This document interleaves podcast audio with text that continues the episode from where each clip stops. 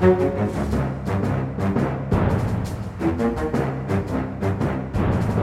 you.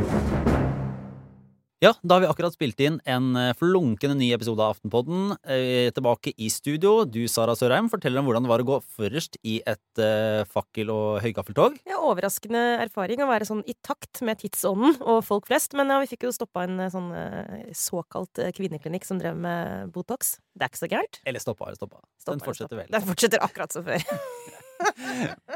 Vi har, vi har vært innom klær.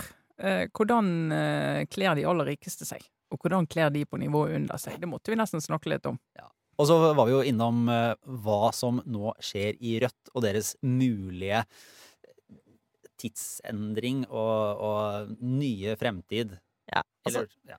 og så kommer vi jo selvfølgelig innom strømdebatten. Det må vi nesten hver uke da. Den er jo, fortsetter jo ufortrødent videre. Så vi hadde en, jeg vil si en skarp analyse av eh, hvor står vi nå. Strømdebatt. Stortinget møttes til ekstraordinært møte. Ikke så vanvittig mye kom ut av det.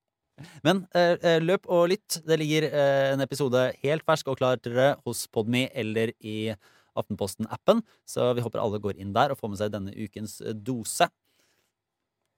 Det blir bra.